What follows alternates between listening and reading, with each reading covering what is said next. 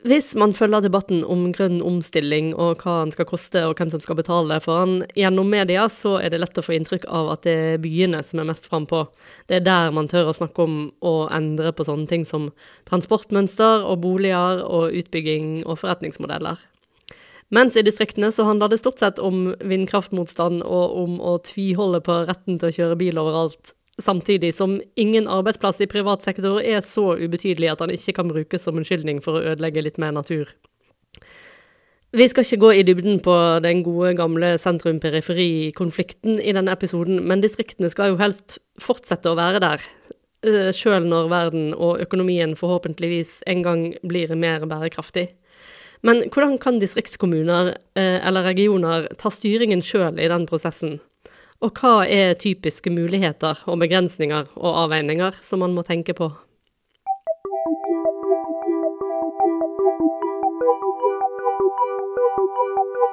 There is no alternative. There is no alternative. There is no alternative. No, no, no.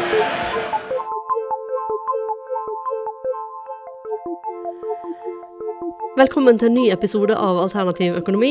Jeg heter Kjerstin Gjengedal, og jeg lager denne podkasten sammen med Reidun Gjengedal. Og for å dykke litt mer ned i de spørsmålene som jeg nevnte innledningsvis, så har vi besøkt en på mange måter veldig vellykket distriktskommune, nemlig Sogndal.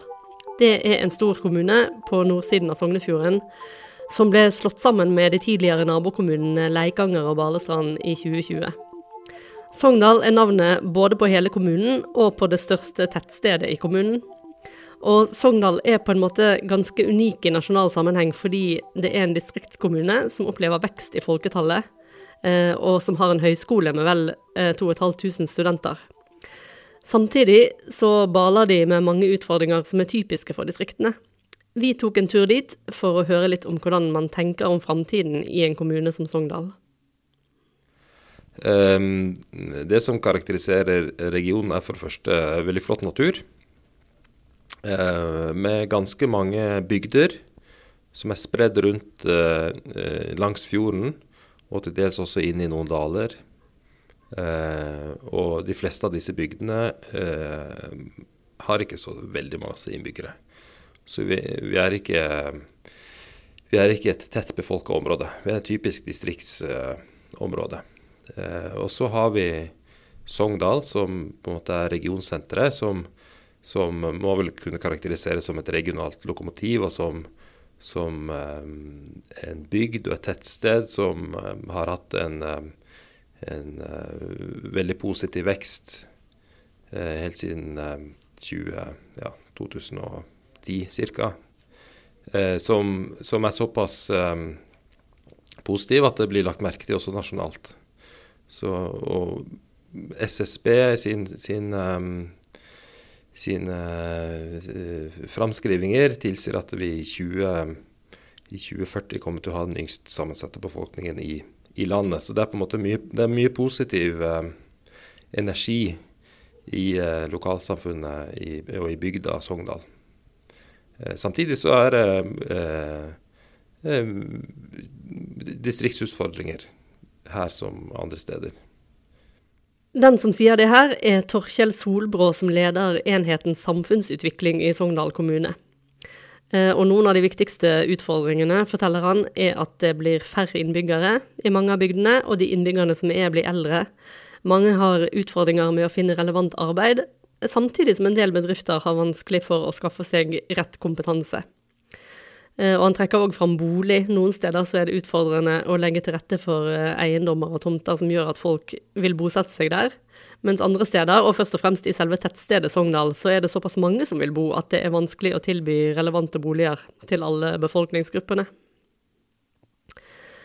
En ting som Sogndal kommune har gjort, er at midt mellom alle planer og visjoner og strategier som alle kommuner hele tiden jobber med, så har de òg laget seg noen klimascenarioer som kan si noe om hva som kan bli konsekvensene av klimaendringer og klimapolitikk i framtiden. Etter kommunesammenslåingen så har politikerne vedtatt en samfunnsplan, som er den overordnede planen for alt kommunene har ansvar for. Og det var mens kommuneadministrasjonen jobbet med den planen at de fikk ideen til å lage disse klimascenarioene. De så at det trengtes en helhetlig strategi for bosted og arbeid og klima og transport, som kan skissere hvordan Sogndal og nabokommunene kan være en attraktiv region i framtiden, samtidig som man tar hensyn til eh, klimautfordringene. Eh, Og klimascenarioene det var første steg på veien mot en sånn helhetlig strategi.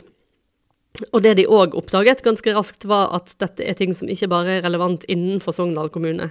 Egentlig så kunne det vært nyttig å involvere alle kommunene i Indre Sogn i et sånt arbeid. Eh, Men for å gjøre oppgaven overkommelig, så fikk de med seg nabokommunen Luster i første omgang. Um, og så så vi at det, det var en del ting som vi for så vidt toucha borti i samfunnsplanen, men som egentlig handla om uh, noe som mm, eh, går utover våre egne kommunegrenser. da. Som egentlig snakker, handler om hvordan vi regionalt samarbeider. Eh, da særlig opp imot eh, bostad, arbeid og transport og klima. Eh, og at dette var på en måte eh, politiske tema som, eh, hvor vi så at eh, vi måtte hjelpe politikerne til å ta noen retningsvalg da, i forhold til hvordan vi skal jobbe med disse tematikkene, og i hvilken grad vi skulle legge klima som et premiss for, for, for det arbeidet. Eh, eh, den scenarioformen som vi brukte, det, det er jo et forsøk på å, å fortelle en historie om hvordan eh, samfunnet vårt potensielt kan se ut i framtiden. Eh, og så er, det, så, er det kanskje, så er det ikke et mål å, å treffe på planken. Det er snarere et mål å vise eh, de ulike ekstremvariantene, eller de ulike retningene som, som vi kan gå. da. Og, og grunnen til å lage sånne scenarioer er for å eh, egentlig åpne opp våre egne øyne og åpne opp eh, politikeres øyne og, og innbyggere sine øyne om at eh, her kan vi faktisk eh, ta noen valg i dag som påvirker hvordan eh, ja, samfunnet vårt vil se ut i framtiden. Eh, og at de scenarioene på en måte kan brukes for å legge til rette for den, den type diskusjon. da. De scenarioene kan, ligger ute på nett, så man kan gå inn og se på dem.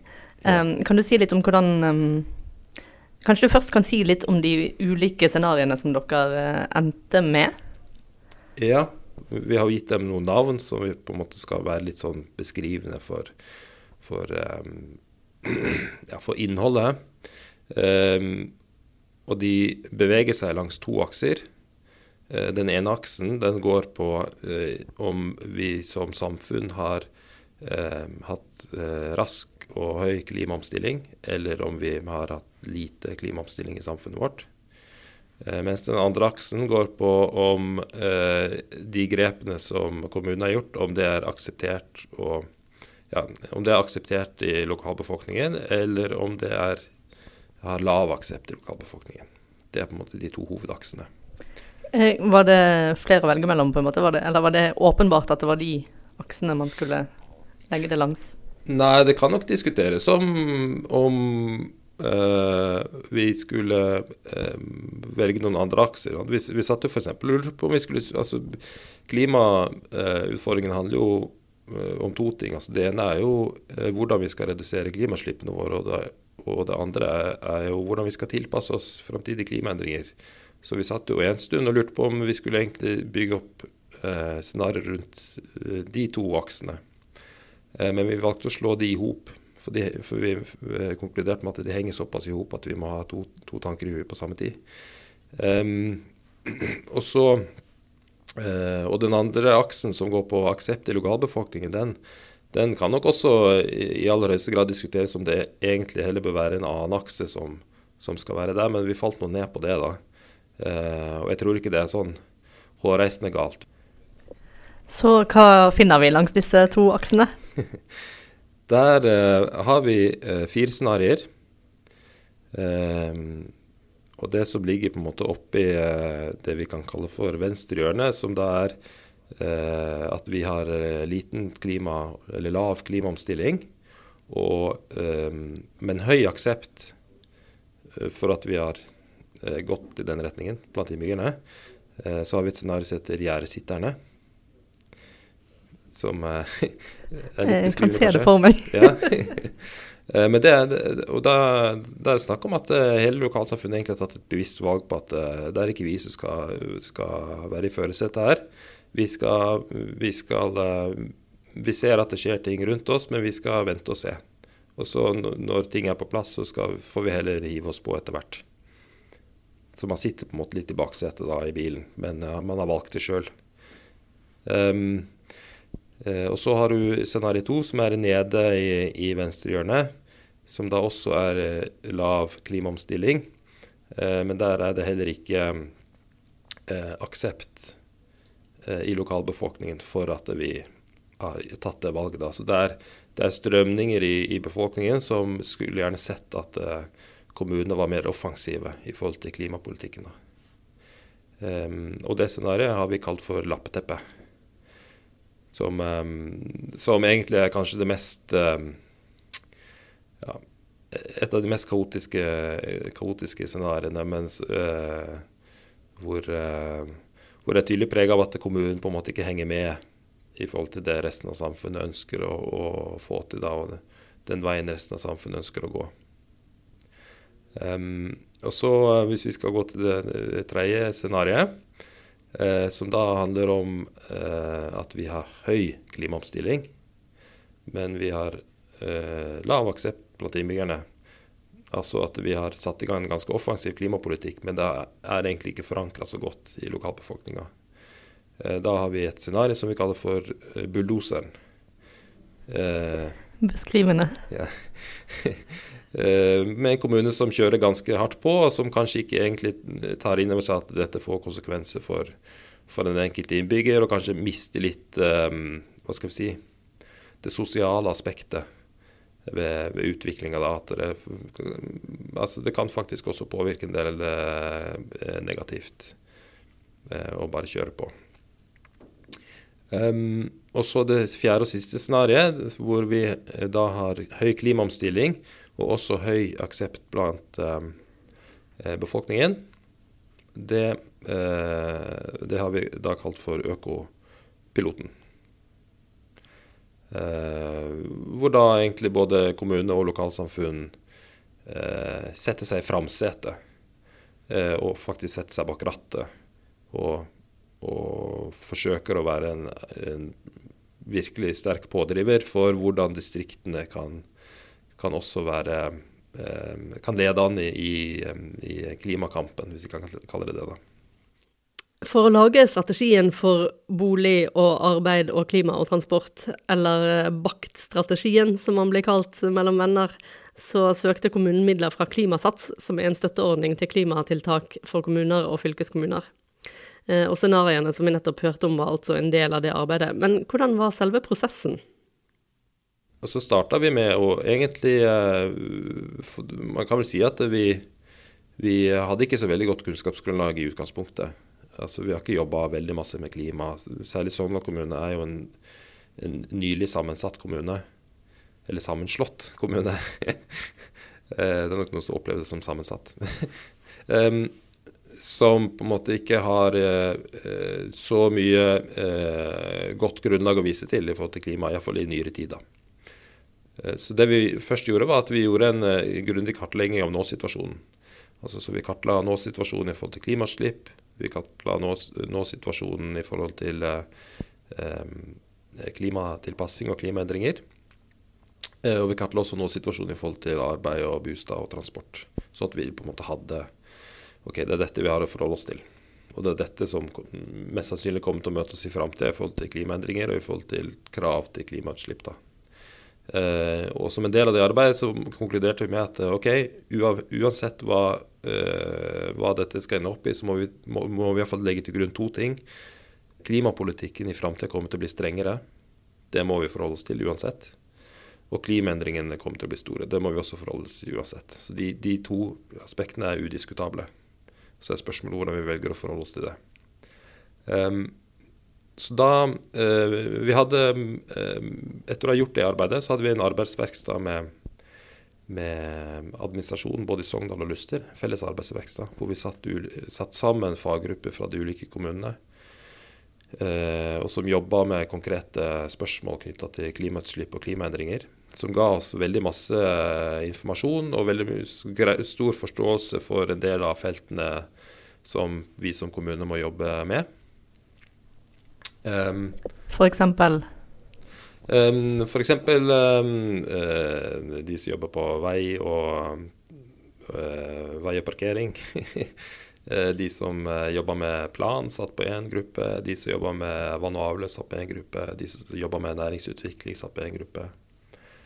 Og Der opplevde vi jo at det var veldig stort spenn i kompetanse og kunnskap. Så for noen grupper så var det veldig enkelt å, å ta tak i i de utfordringene som vi kom med i verkstedet. Eh, mens det var andre som var omtrent helt grønne, hvis det er lov å si. Eller ikke grønne.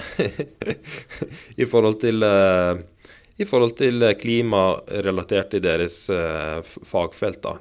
Eh, Så, så vi opplevde jo også at det var, var flere som nesten ble liksom flaue når de satt der fordi at de visste så lite om, om klima og sitt eget fagfelt. Og, det, eh, og som faktisk har resultert i at de har endra litt fokus i ettertid, tror jeg. Eh, Som var litt interessant i seg selv. Og så på det her eh, faglige grunnlaget så ble scenarioene utformet, med hjelp fra et designbyrå i Oslo. Eh, De ble skrevet ut i form av eh, små fortellinger som så ble lagt ut på nettsiden luster og sogndal2040.no. Eh, Og det, det første vi gjorde, var å teste disse scenarioene på politikere. Så vi samla formannskapet i Sogndal og formannskapet i Luster. Eh, og kjørte ny verkstad med de.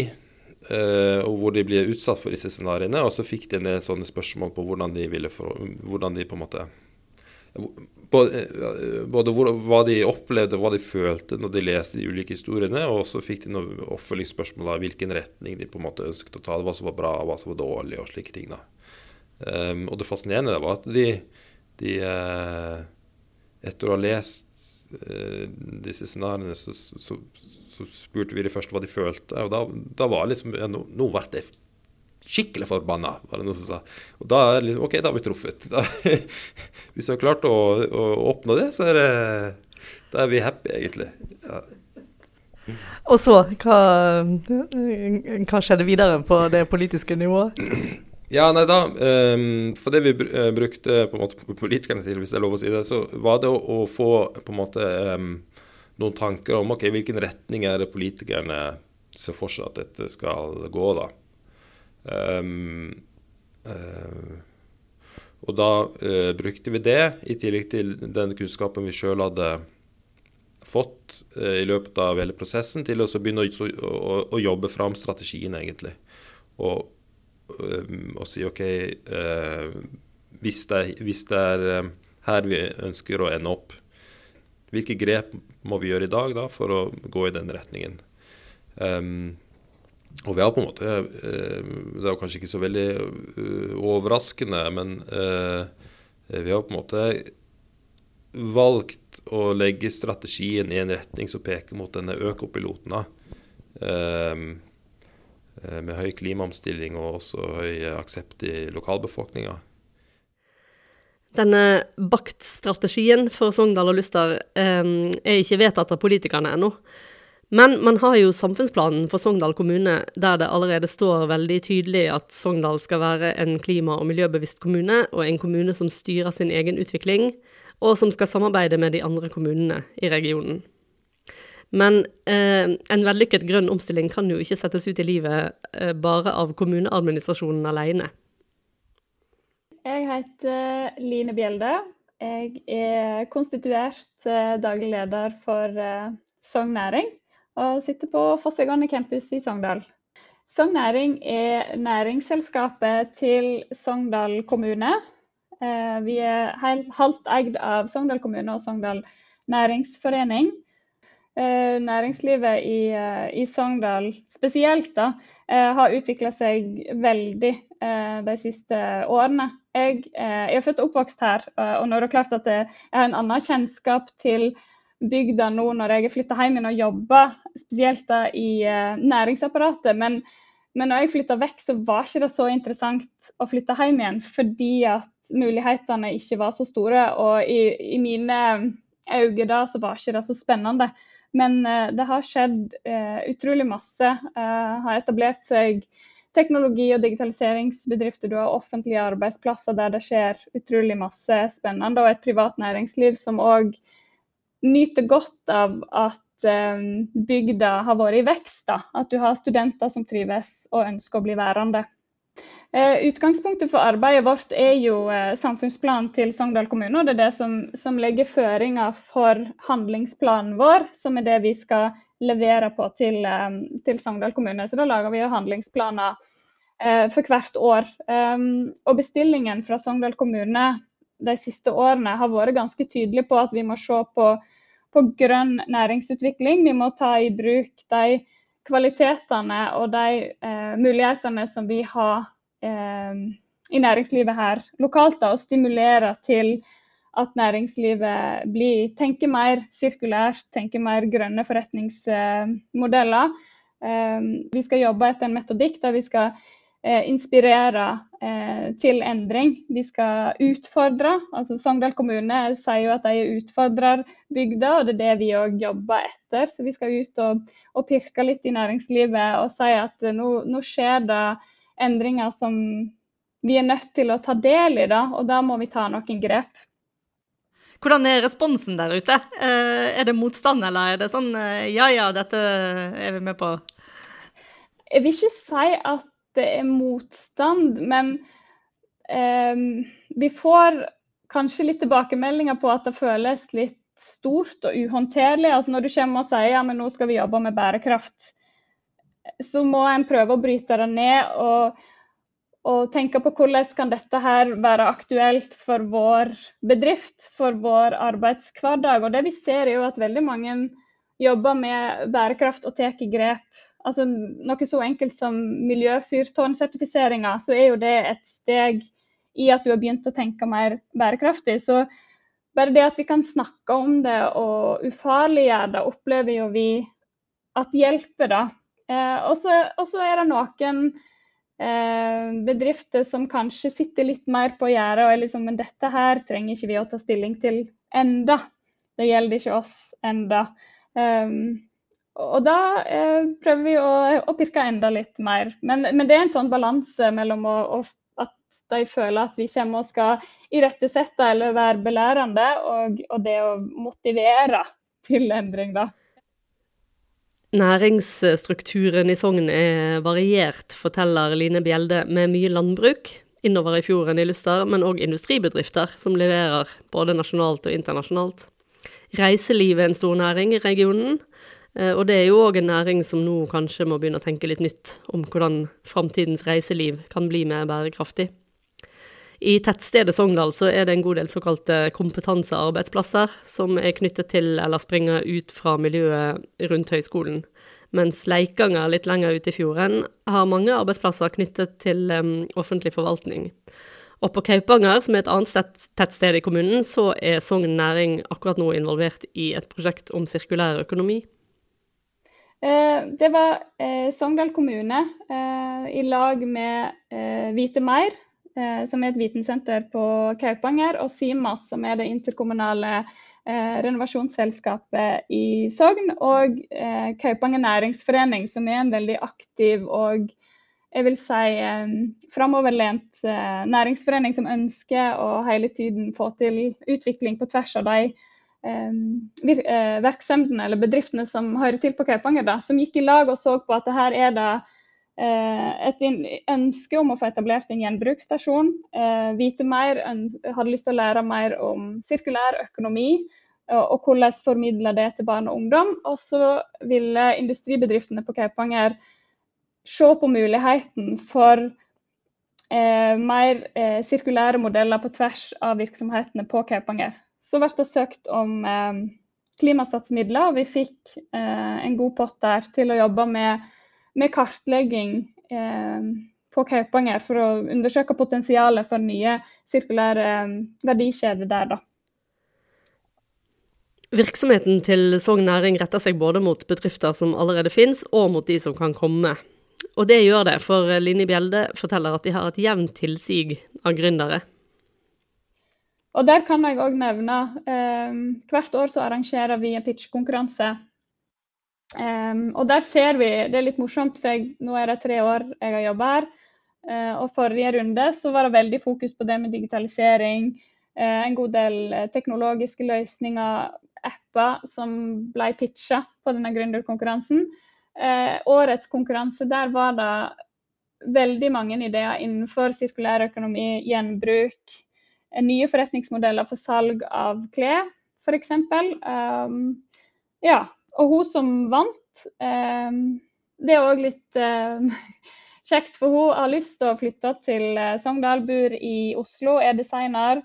og har nå tatt steget og flytta til Sogn, sagt opp jobben sin og skal starte et tilbud der hun reparerer friluftslivklær i Sogn og syr dem om Eh, og så er hun òg i kontakt med lokalt næringsliv, type Lerum f.eks. De bruker jo eh, eh, uniformer eller arbeidsklær som blir eh, ødelagte, for å se om hun kan få til en avtale der på å reparere dem. For å få opp et visst volum da, og få en, en, bærekraftig økonomi i den forretningsmodellen. Så det var en av Ja, og det var det juryen vektla òg, at vinneren hadde en Eh, en klar sirkulær sirkulærøkonomisk eh, modell på ideen sin, og som òg så på løsninger som gjorde at det var mulig å, å leve av det og skalere det. da. Er det det som er Jeg tenker på sånn altså sirkulær økonomi generelt. Er det, er det, det med forretningsmodeller å finne måter å tjene penger på sirkulær økonomi på, som er liksom Er det der den store utfordringen er? En av utfordringene er det i alle fall. Altså, for nå ser vi at eh, sånn som taksonomien, EU-taksonomien er jo en av de tingene som vi vet at eh, etter hvert så vil det påvirke alle bedrifter, sånn at de må gjøre endringer i, i sin måte å drive butikk på da, eh, for å få finansiering. Så, så etter hvert så vil nok det um, faller på plass. Men det er nok litt av bøygen, kanskje spesielt òg innenfor når vi snakker om tekstilindustrien og det med å få reparert, så er ikke betalingsviljen og holdningene som vi møter i alle fall hos forbrukerne, enn så lenge er jo at ja, men det er billigere å kjøpe nytt. Um, så da går en ikke å få det reparert. Sånn at det, det er en liten eh, bøyg der med å finne de modellene som gjør at det er både økonomisk bærekraftig og eh, bærekraftig på de andre måtene, da. Mm. Mm. Hvordan jobber dere med det? Der òg eh, er vi ute og vi, vi, stiller i alle fall de, alle de spørsmålene når vi har gründere inne. Eh, hvilke tanker de har eh, om forretningsmodellen, altså både produktutformingen, eh, holdbarhet, hva skjer etter forbrukeren er ferdig med den? Eh, og at vi stiller de spørsmålene. Og så er jo dette et område som vi òg har måttet øke vår kompetanse på. Sånn at det er jo viktig for oss òg å, å, hele tiden holde oss oppdatert og kunne de nye reglene og kunne de nye forretningsmodellene. Eh, eller i alle fall stille de riktige spørsmålene for å kunne eh, utvikle de nye forretningsmodellene. da. Sogndal er altså et eksempel på et tettsted som får til det alle tettsteder drømmer om, nemlig å vokse. Og det står tydelig i samfunnsplanen at kommunen skal legge til rette for vekst. Men så er jo spørsmålet om det går på bekostning av noe. Jeg heter Kyrre Groven, og jeg jobber på Vestlandsforsking i Sogndal. Eh, idyllen Sogndal, kan du si, da. Eh, den rurale, men likevel litt urbane eh, Den rurale tettstaden med noen urbane kvaliteter. Eh, så, så, får vi jo etter hvert øye på noen dilemmaer som popper opp her. Og, eh, og noe av eh, ja, motivasjonen eller bakgrunnen for den forskninga jeg driver med, er jo eh, forankra i, i, de krisene som verdenssamfunnet står overfor. Eh, IPCC og IPS og, og ulike FN-organ forteller oss om at verdenssamfunnet står overfor noen eksistensielle trusler. Vi kan nevne klimaendringer, naturkrise, matforsyningsspørsmål og rettferdig fordeling. Altså eh, rett og slett sosial bærekraft og rettferdighet. Uh, og, og så spør jeg meg hvordan arter de her krisene seg sett fra, fra Sogndal. fordi altså, her står vi jo, som du var inne på, i et veldig sånn på mange måter vellykka eh, samfunn. da, Et, et glansbilde. Framsida av medaljen. Eh, eh, vi, har, eh, vi, vi bor her i et vekstkraftig regionsenter i et av verdens rikeste land. Uh, Sogndal kommune, altså Gamle Sogndal kommune har hatt en folkevekst på 40% siden 1990. Og det er lite nok her til at, at en unngår mange av de problemer som, som større byer sliter med. Uh, unge uh, fra sentrale strøk flytter hit fordi at det er kompakt og naturnært, og de kan drive med friluftsliv og, og, og, og samtidig ha tilgang på en del urbane kvaliteter. Og Sogn og Fjordane, det vet vi jo fra, fra geografitimene, han har sagt at Sogn og Fjordane skårer jo best på mange levekårsparametere, og gjør jo fremdeles det. Så vi står midt i et glansbilde av en, det jeg vil kalle en oljesmurt vekstøkonomi, der, der de ubehagelige konsekvensene eh, av, av, vekstsamfunnet på en måte fremdeles er på en armlengdes avstand. Eh, men eh, hvordan skal vi da forstå de globale krisene? om vi setter lupa mot, uh, mot denne, det her vesle lykkelandet innerst i Sognefjorden. ja. og ja I et forskningsprosjekt så har vi studert tettstadutviklinga i, i, Sogndal og tre andre norske kommuner over 30 år. og Det er jo historiske årsaker til at Sogndal ble studert, fordi at uh, det var et tilsvarende uh, forskningsprosjekt tilbake i 1990 som, som Vestlandsforsking også var involvert i den gangen. Og, og, når vi da bruker flyfoto og fotodokumentasjon og andre ting og intervjuer og, og, og, ser hvordan har arealbruken endra seg i denne kommunen, eller i tettstedene i, i gamle Sogndal kommune over de, de tre tiåra, så ser vi at det har blitt Eh, også 40, vel 40% mer utbygd areal. Eh, og tettstedene har delvis esa ut, og, og, vi har bygd ned en god del matjord. og og fruktbygda Sogndal, det er litt vanskelig å omtale den som en fruktbygd lenger. Mange av, ja, Tre av fire frukttrær i, i, i Sogndal er, er nå vekke. Eh, ja. Sånn at Uh, vi, vi, har en, uh, en, arealbruk som ikke nødvendigvis Jeg vil si at den ikke er bærekraftig hvis vi tenker at vi skal fortsette den inn i evigheten. da. Vi, uh, og, og, det reiser iallfall noen helt umiddelbare dilemma, tenker jeg. Mye av eh, veksten eh, i og rundt eh, selve tettstaden Sogndal er jo på jordbruksareal, eller tidligere jordbruksareal. så i de tre tettstedene vi har sett på i gamle Sogndal kommune, så er det 600 dekar matjord som har blitt bygd ned i, i løpet av de her 30 åra. Og, og tre fjerdedeler av det er knyttet til tettstaden Sogndal. Og halvparten av det igjen er, dreier seg jo om frukthager. Så når tre av fire frukttrær eh, nå er, er, vekke, så kan du si at det, det går jo på en måte litt utover eh, ja, selv, uh, over identiteten til Sogndal som fruktbygd. For det er jo det vi kjenner til. liksom Fruktbygda Sogndal og, og, og saftfabrikken Lerum og, og, alt det her. Det er jo mye av, uh, av identiteten her. Hovedgata gjennom sentrum her heter jo Gravensteinsgata, men det er jo snart ikke et uh, frukttre å se langs den, den gata. Uh, jeg tror vi, vi, står igjen med et tjuetalls frukttrær langs uh, Gravensteinsgata, mens det er 100 grantrær. Så det, det er jo et lite paradoks, kanskje. Uh, så vet vi òg at tettstaden Sogndal har ikke esa ut så kraftig som, som plan forskerne eh, tidlig på 90-tallet frykta når de laga scenario for, eh, for, den videre utviklinga i, eh, i, i, denne kommunen. Så Sånn sett så, så, var det liksom et sånt bærekraftscenario som slo til, hvis vi ser på Sogndal tettstad isolert.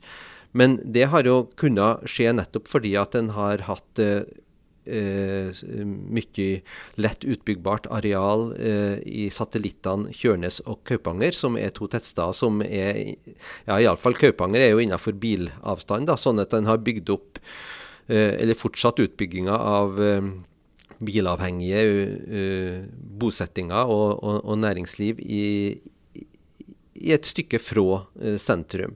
Så det er jo prisen den da betaler. Så da dukker et, uh, det der transportparadokset opp, som, som, du vil finne i alle rurale sentra. at ja, eller de fleste utkantkommuner, eh, som skal prøve å gjøre noe med, med bærekrafta forstått som eh, redusert eh, bilbruk. Transport støter jo på det problemet at en, en ønsker aktivitet og utvikling i alle sentra, alle bygdelag i kommunen, naturligvis. Eh, og det er vanskelig å, å få til konsentrasjon eh, rundt ett Eh, kommunesentrum eh, som eh, kanskje er det som må til hvis en skal få ned bilbruken vesentlig. Så det er et, et, et annet slikt opplagt paradoks. da. Allerede for flere tiår siden så ble fortetting en overordnet planstrategi fra myndighetene sin side. Altså at man skal bygge mer kompakt innenfor tettstedsgrensene, istedenfor å la tettstedene spre seg utover. Men å fortette er heller ikke alltid så enkelt som man skal ha det til. NIBIO eh, har jo forska på bruken av, eller kampen om matjorda, da, og, og har jo eh, slått fast at over halvparten av den matjorda som ble utbygd i Norge i tidsrommet 2008 til, til 2015, den ble utbygd innenfor Tettstadgrensene. Og 20 eh, i nær eh, omkrets rundt te etablerte tettsteder. Og hva forteller det oss? Jo, det, det, det, er jo en, en sånn veldig enkel sannhet eh, som ligger i at byer og tettsteder ligger jo der det fra naturens side var det gunstigste lokalklimaet og det, og det beste jordsmonnet. Altså også det største naturmangfoldet. Så det som skjer når vi fortetter, eller for den saks skyld eh, tillater eh, byspredning, er at, at vi bygger ut eh, ja, det er urbaniseringas dilemma. da, At vi bygger ut i de områdene som fra naturens side er de mest diverse, som, som, har det største artsmangfoldet. Eh, og vi bygger på den matjorda som, eh, som er en uh, umistelig grunnkapital. da. Altså, det er jo bare 3,5% av, av landarealet i Norge som er, som er dyrka jord. Og veldig mye av den økonomiske aktiviteten og, utbyggingspresset foregår jo nettopp der. Og så viser det seg da, da, ofte at fortetting kan faktisk i noen tilfeller bety nettopp å bygge ned matjord fordi at den matjorden ligger innenfor det området som skal fortettes. Ja, det er et, eh, det er et av de dilemmaene som en står overfor. Og en annen ting er jo at eh, ja, jeg tenker jo at fortetting en, en står seg eh, fremdeles etter 30 år som, som et sånt uh, førende prinsipp da, i, i planlegginga. Det står seg jo. For hva er alternativet? Er det å bygge uh, enda videre utover? Og, og, og, hva med de områdene som da går tapt? Men, eh, men eh, samtidig, når vi fortetter innover, så står vi òg i fare for å bygge ned de grønne lommene, buskaset og det uryddige randarealet mot en bekk eller eller en knaus osv. Uh, og det her er, er, jo områder som uh, er viktige for uh, insekt- og fugleliv. Og det er viktige for leik og trivsel. Sånn at jeg, jeg, håper at planleggere og politikere i framtida ikke skal være så redd for å la det uryddige og rufsete få stå også inne i byen. så får heller fortettinga konsentrere seg om de grå arealer Transformasjon heter jo det. Altså at en eh, heller eh, går løs på dårlig utnytta parkeringsareal. Eh, eller nedlagte fabrikkområder. Det har jo vært gjort i, i tiår nå eh, allerede, selvsagt, med transformasjon av, eh, av brownfields og, og, og tidligere industriområder. Så det kjenner vi jo til. Eh, men jeg tenker at det er den veien vi må gå. Og på en sånn plass som Sogndal, som har vært vant til eneboliger og, og, og, spre seg utover i, i vidden. Eh, vi må akseptere at det i framtida også bygges litt mer i høgda. Eh, noe som vi ser eh, eksempel på nå, da. Men igjen, alt med måte. Det er, det er hele tida noen målkonflikter og noen dilemmaer som vi støter på. Har dere, eh, Går det an å si noe om hva som blir vektlagt når man skal veie for og imot hvor man skal bygge? Jeg tror det er vanskelig å, å se ut fra planvedtak eller politiske vedtak hva eh, som har blitt vektlagt, eller hva som har vært eh, på en måte beveggrunnene eh, bak eh, de vedtakene som har blitt gjort. Eh, forbausende ofte så tror jeg nok det er tilfeldigheter som rår. Eh, en grunneier har tilbudt et areal, eller vært aktiv for å få bygd ut sin, sin gård eh, til et boligområde, eh, og, og, og på en måte stilt et område til disposisjon, mens en annen grunneier har vært eh, motstander av å, å, å legge ut eh, jorda si til, til andre formål. Så ofte så er det jo slike ting som, som bestemmer, og, og, økonomiske interesser eh, veier jo selvsagt veldig tungt. Det vi imidlertid vet litt om, det er jo hvordan folk flest og politikere og, og eh, folk i eh, administ eh, offentlig administrasjon tenker eh, rundt eh, arealbruk. En annen forsker ved Vestlandsforsking, Karen Rikardsen Moberg, har nemlig gjennomført spørreundersøkelser hos politikere og administrativt ansatte og folk fra frivillige organisasjoner, der hun har gjentatt en tilsvarende undersøkelse som ble gjort i 1990. Og Der finner hun at det har vært eh, en holdningsendring når eh, respondentene ble spurt om tap av matjord og tap av biologisk mangfold som resultat av utbygging, så er det langt flere i dag som svarer at de er opptatt av å unngå sånne typer arealbruksendring enn det det var for 30 år siden.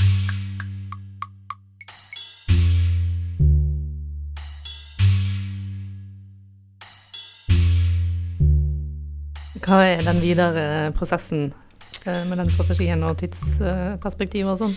Nei, Den videre prosessen er at vi, vi, eh, vi Det har gått litt seinere enn vi hadde håpet nå på slutten. Eh, Mest egentlig pga. arbeidskapasitet, men også fordi at eh, vi er litt opptatt av at eh, eh, politikerne skal For det første skal de vite hva de vedtar. Eh, og for det andre så er vi, er vi jo egentlig litt avhengig av at eh, eh, politikerne i Sogndal og politikerne i Luster faktisk vedtar den samme strategien. Så det er egentlig det, derfor vi har eh, bruker litt lengre tid nå enn det vi eh, kanskje hadde tenkt. Fordi at vi må, vi må gå noen litt flere, flere runder, både i administrasjonen eh, og med, med toppledelsen i, i eh, kommuneadministrasjonen, for å, for å eh, passe på at det det er en strategi som har et innhold som kan passe for begge kommunene. I tillegg til at det må nok eh, eh, også kanskje bearbeides en runde etter at det har vært inne hos politikerne. Da. Men så var det det med aksept hos eh, innbyggerne, da. Eh, når kommunen lagde samfunnsplanen, som vi nevnte innledningsvis, så um, la de opp til mye innbyggerinvolvering med temakvelder og innbyggerverksteder rundt i alle bygdene. Um, men det viste seg at når man så kom tilbake og skulle ha innbyggerne med på enda en runde med verksteder for å omsette de nye klimascenarioene i en skikkelig politisk strategi, så var det litt tyngre å mobilisere folk. Så når vi kom tilbake, så så vi at eh, ok, her har vi for det første så har vi eh, en del eh, grunnlag allerede som vi kan eh, bygge på. Um, og for det andre så ser vi at eh, en ny sånn runde innbyggere nå, det eh, tror vi eh, ikke innbyggerne er klar for, for at de hadde nettopp hatt hadde, altså, vi, vi må ikke Den der medvirkningstrøttheten så vi komme sigende, da. Eh, Men samtidig så ønsker vi jo å få til en dialog om, med innbyggerne på hvordan, skal vi, hvordan kan vi legge til rette for eh, framtidig utvikling og ivareta klimaomsynet på samme tid. Um, så da inviterte vi rett og slett innbyggerne til å, til å samle seg i gruppe selv. Eh, vi lagde en eh, For det første så lagde vi et påmeldingsskjema som, så enkeltpersoner kunne melde seg på. Og så fikk de tilsendt et, eh, et oppgavesett, og så kunne de invitere med seg om det var venner, eller om det var kollegaer, eller om det var um, turkompiser, eller hva det nå var. Så, så kunne de uh, sette av en tid hvor de gikk gjennom disse spørsmålene Og de kunne se på disse scenarioene for å få litt inspirasjon og, og eh, ja, og få litt hjelp til å, til å tenke stort da, og tenke fram i tid. Um, for oss så var dette en uh, Dette er jo noe andre kommuner har prøvd før. Uh, og For oss så var dette en test på hvordan den metodikken funka. Vi tester sånne metodikker hele tida, siden ja, det meste er nytt. uh, responsen var uh, altfor lav, er konklusjonen. Så et av de spørsmålene som vi sitter med nå, er jo om vi kanskje Nå er jo ikke dette er en plan som det er krav om at skal ut på høring, men det er jo noe som politikerne bør vurdere om, om dette nettopp med tanke på dette med lokal aksept, eh, ikke lokal aksept, om denne planen da egentlig om vi bør legge den ut på høring. da, Sånn at eh, innbyggerne får, og for så vidt næringsliv og andre får eh, mulighet til å til å gi sine innspill. Som vi har hørt, så har kommunen prøvd å lage en eh, regional strategi som samsvarer med det klimascenarioet som het Økopiloten. Det som innebærer høy klimaomstilling, som samtidig er godt forankret i lokalbefolkningen. Og hvis man ser nærmere på det scenarioet, så kan man finne ting som eh, til og med i byene kanskje blir oppfattet som ganske radikalt. Um, kanskje særlig innenfor transport. Økopilotscenarioet beskriver f.eks. regionale allianser mellom kommunene, der man er blitt enige om å skrinlegge store samferdselsprosjekt med høyt klimaavtrykk, og isteden satse på et mer helhetlig mobilitetssystem med mye sykkel og gange i selve tettstedene, og delingsløsninger og kollektivtilbud mellom tettstedene. Men er det mulig å få innbyggerne i Distrikts-Norge med på en framtid uten privatbil? Nei, det er definitivt eh, altså Det ligger knuter overalt. Men det, eh, særlig på transportbiten så kan det være knute. Altså den derre eh, ønsket om å bruke egen bil. Og særlig i Distrikts-Norge så, så er det jo helt avhengig av bil. Um, så det sitter nok langt inne for veldig mange å, akseptere at, at dere ikke skal kjøre egen bil. Uh, det går jo an å, å tenke at altså, Historisk sett så brukte vi fjorden i denne regionen her. Eh, helt fram til veiene kom, og da plutselig begynte vi å kjøre på veiene, så glemte vi helt fjorden. Uh, og i det scenarioet så blir jo fjorden trukket fram igjen som en sånn mulig, en mulig transportåre da, mellom bygdene. En rask transportåre mellom bygdene. Uh, om, om, det, om det er det som kommer til å skje i framtiden, det er jo altfor tidlig å si, men vi må iallfall våge å tenke de tankene. da. Eh, og vi må våge å tenke nytt rundt hva transport skal være, og ikke minst hva transport, eh, eller infrastrukturen knyttet opp til transport skal være. Og så sa du at eh, det, det, det var ikke så mye um, som kom ut av den innbyggerinvolveringen som dere hadde håpet, men har du likevel et inntrykk av om, dere, om innbyggerne er med på laget? Uh, jeg har inntrykk av at det er uh, litt delt. Så det er nok mange av, av innbyggerne som gjerne kan være gjerdesittere. Eh, men så har vi også, særlig i vår kommune, så har vi jo en, en uh, ung befolkning, og vi har masse studenter. Sant? Vi har uh, ca. 3000 studenter som kommer hver, hver, august og blir her fram til juni. Uh, og det er jo en kjempekraft. Og vi ser jo f.eks. blant studentmassen, men også blant, særlig blant unge voksne og, og barnefamilier, at at uh, det både er helt andre um, ønsker og holdninger knytta til klima enn, enn det vi har sett tidligere. da. Så, så, det ligger en kraft der som vi ikke har klart å utnytte enda fullt ut. Og hva med arbeidsplassene i Sogn? Hva er det som er de største utfordringene på det området? Vi vet at uh, tilgangen på den kompetansen vi trenger framover, eh, kommer til å være en utfordring. Altså, det er allerede vanskelig å få, um, få, tak i folk, og det er jo spesielt vanskelig ute i, um, i distriktene. I Sogndal eh, har vi vært heldige, og er fremdeles heldige med at eh, det er ganske bra eh, studentmasse her, og de fleste, eller veldig mange, ønsker å bli værende. Um, men hvis du kommer litt lenger utafor Sogndal sentrum, så er, det, så er, det, vanskeligere å holde på kompetansen. Jeg vet at sånn som på de store eh, offentlige arbeidsplassene på Leikanger, så er det vanskelig å holde på juristene. De blir værende litt. Eh, de bruker det kanskje som et springbrett fordi det er et mindre miljø, du får større ansvar fortere. Eh, og så forsvinner de ut igjen fordi de gjerne ikke trives, fordi miljøet blir for liten, fordi avstandene er for store.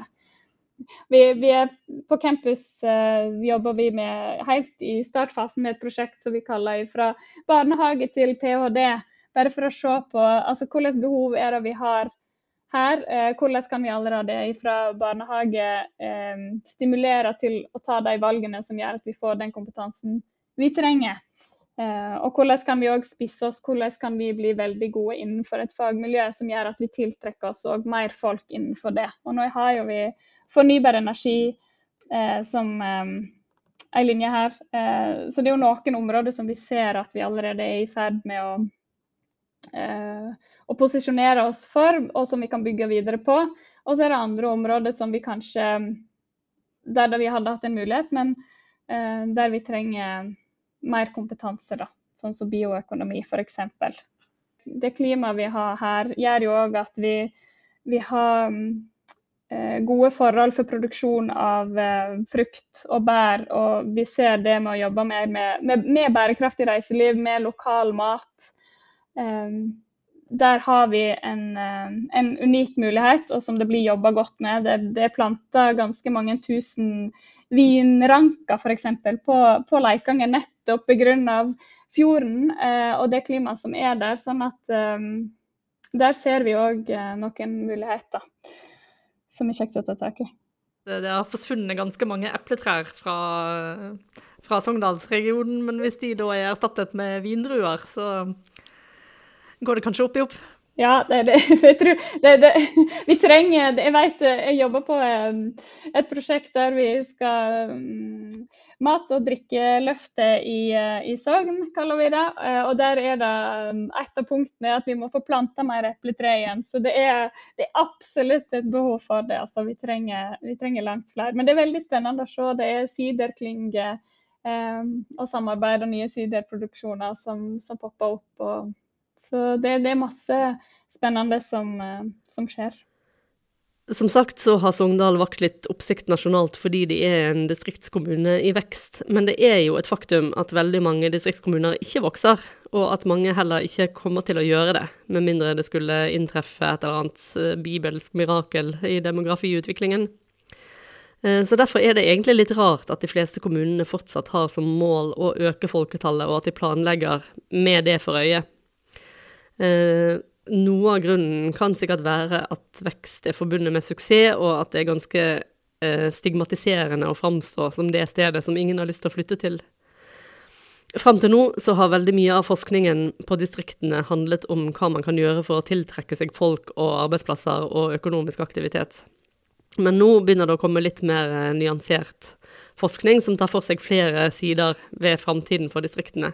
For det er jo fullt mulig å ha en tydelig stedsidentitet og leve gode liv òg på steder som ikke er preget av tilflytting og utbygging. Og mange av de tiltakene som f.eks. Sogndal vurderer for å bli en mer bærekraftig kommune, de kan jo være minst like aktuelle for kommuner som ikke vokser. Så her ligger det an til um, en del interessante avveininger og diskusjoner framover. Uh, jeg, jeg tenker at uh, uh, samtidig som uh, urbaniseringa går sin gang, og, og, og vi kan, kan, stoppe tyngdekrafta, han har sagt, så, så, er det utrolig viktig hva slags kvalitet vi bygger inn i de tettstedene og, og, byene som, som, vi utvikler. Og, og, da er jo nettopp det å tillate seg å ha grønne korridorer og uh, uryddige området og buskas og, og blomstrende frukttrær er jo et eksempel på et naturgode, eller et kulturgode, da, kan du si, som, som, som kommer også naturen til, uh, til del. Det er utrolig viktig at en har et våkent blikk for at en bevarer de kvalitetene et, etter hvert som utbygginga skjer. Og, og der har en uh, fremdeles uh, noen, uh, en, en, vei å gå når det gjelder læring. Altså. Det, det, er dessverre slik. Ja, for en ting dere òg peker på, er jo at natur òg er kultur. At, uh, uh, at man får kulturelle opplevelser av, kul av det natur kulturlandskapet som man er omgitt av, som kanskje ikke blir tatt så mye hensyn til alltid? Nei, det jeg, jeg vil jo si at mye av det turistene eh, kommer til Sogn for å oppleve, eh, det er jo nettopp det skjøtta landskapet. Eh, det er jo frukttrær i blomstring, eller det er bøer med lam som beite, og altså de her nesten klisjéaktige bildene, litt sånn vulgært vakre bildene fra Bygde-Norge, ikke sant?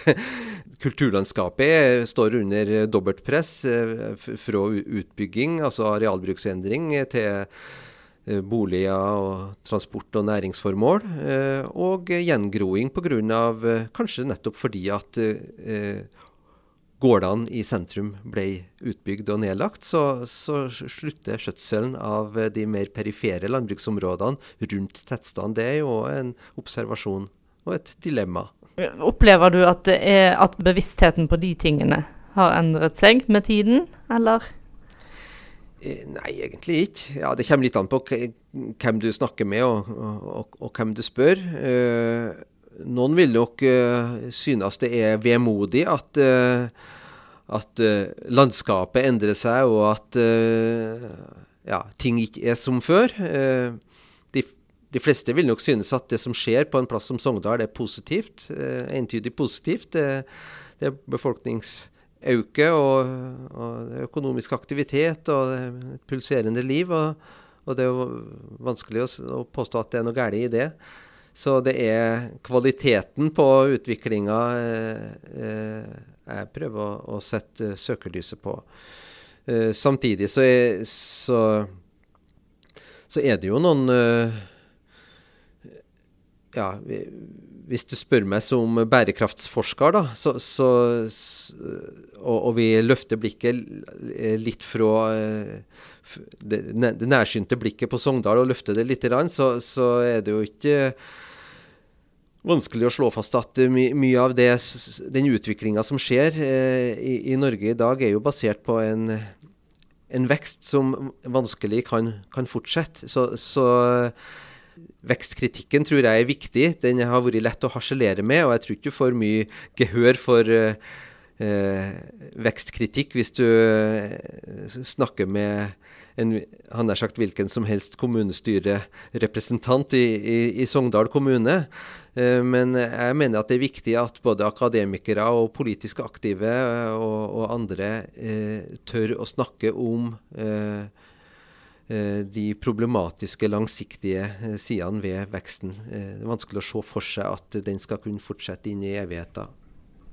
Og da er kanskje det med kritikk av arealomdisponeringer eh, et sted å begynne, da, for det er jo veldig lett å visualisere for folk.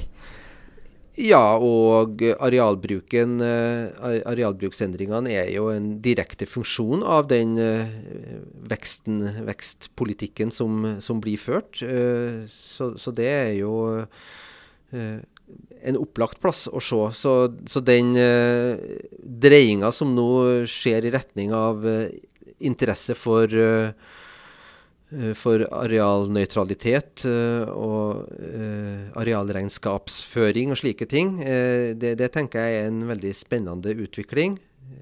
Det er vel et trettitalls norske kommuner som nå har eh, vedtatt, eller iallfall vist interesse for eh, arealnøytralitet og, arealregnskap eh, som en del av sin sine styringsinstrument. Så, så, det syns jeg er, er håpefullt uh, og et, et, positivt signal da, som, som, det er viktig at uh, eh, regjeringa tar på alvor og, og, støtter opp om.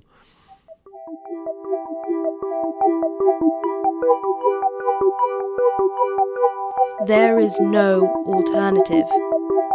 There is no alternative. There is no alternative. No. No. No. I podkastserien Alternativ økonomi leter vi etter økonomiske løsninger som kan være med på å skape en bedre verden. Nye episoder publiseres én gang i måneden. Du finner mer informasjon på nettsiden vår alternativøkonomi.no.